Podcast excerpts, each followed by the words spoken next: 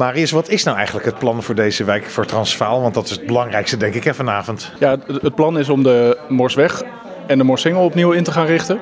En we hebben dat plan omdat we de Morsweg als een best wel vervelend verkeersriool beschouwen.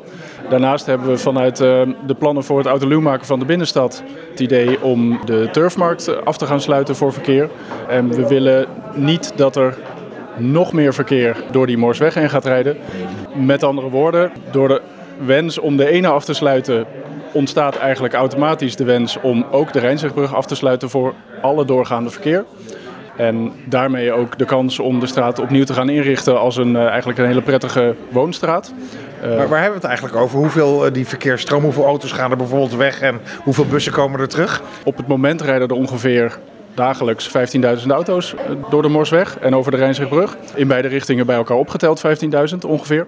Op de turfmarkt rijden ongeveer 5.000 auto's per dag. Die zou je één op één erbij op kunnen tellen als Ja. we er verder niets aan zouden doen. En wat we verder van plan zijn is inderdaad om die eh, stadsbussen... Die nu in de stationsweg Steenstraat rijden...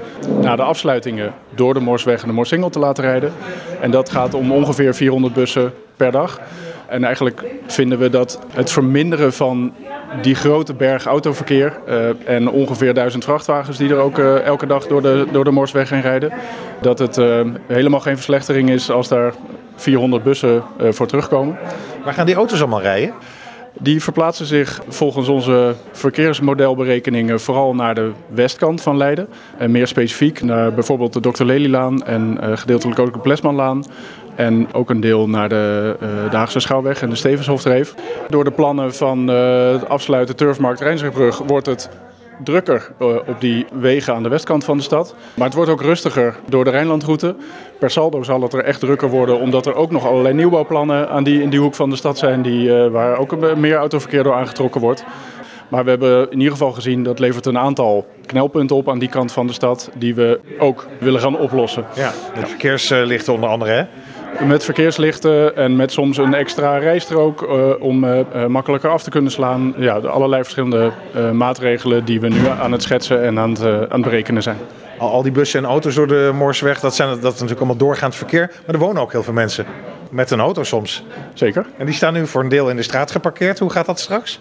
Wat wij heel graag willen, samen met ehm, de partij die eh, ook bezig is met eh, het maken van een nieuwe parkeergarage aan de Morsingel, is om ervoor Eigenlijk onder de parkeergarage die er nu staat, op die plek ongeveer. Ja, en, en in de toekomst moeten daar nieuwbouwwoningen komen. Om die parkeergarage ook geschikt te maken voor de bewoners van de Morsweg. eh, zodat we de parkeerplekken op de Morsweg daar weg kunnen halen.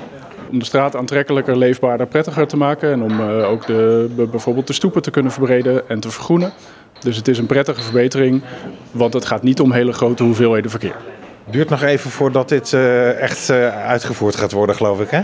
Ja, de herinrichting van de Morsweg en de Morsingel is de eerste die we willen gaan aanpakken. Juist omdat die nodig is om die bussen uit de stationsweg Steenstraat te kunnen halen. Dus die willen we als eerste aan gaan pakken. Die gaan we nu met eh, hoog tempo verder ontwerpen. Eh, en dan hopen we eh, rond 2026 eh, de herinrichting klaar te hebben.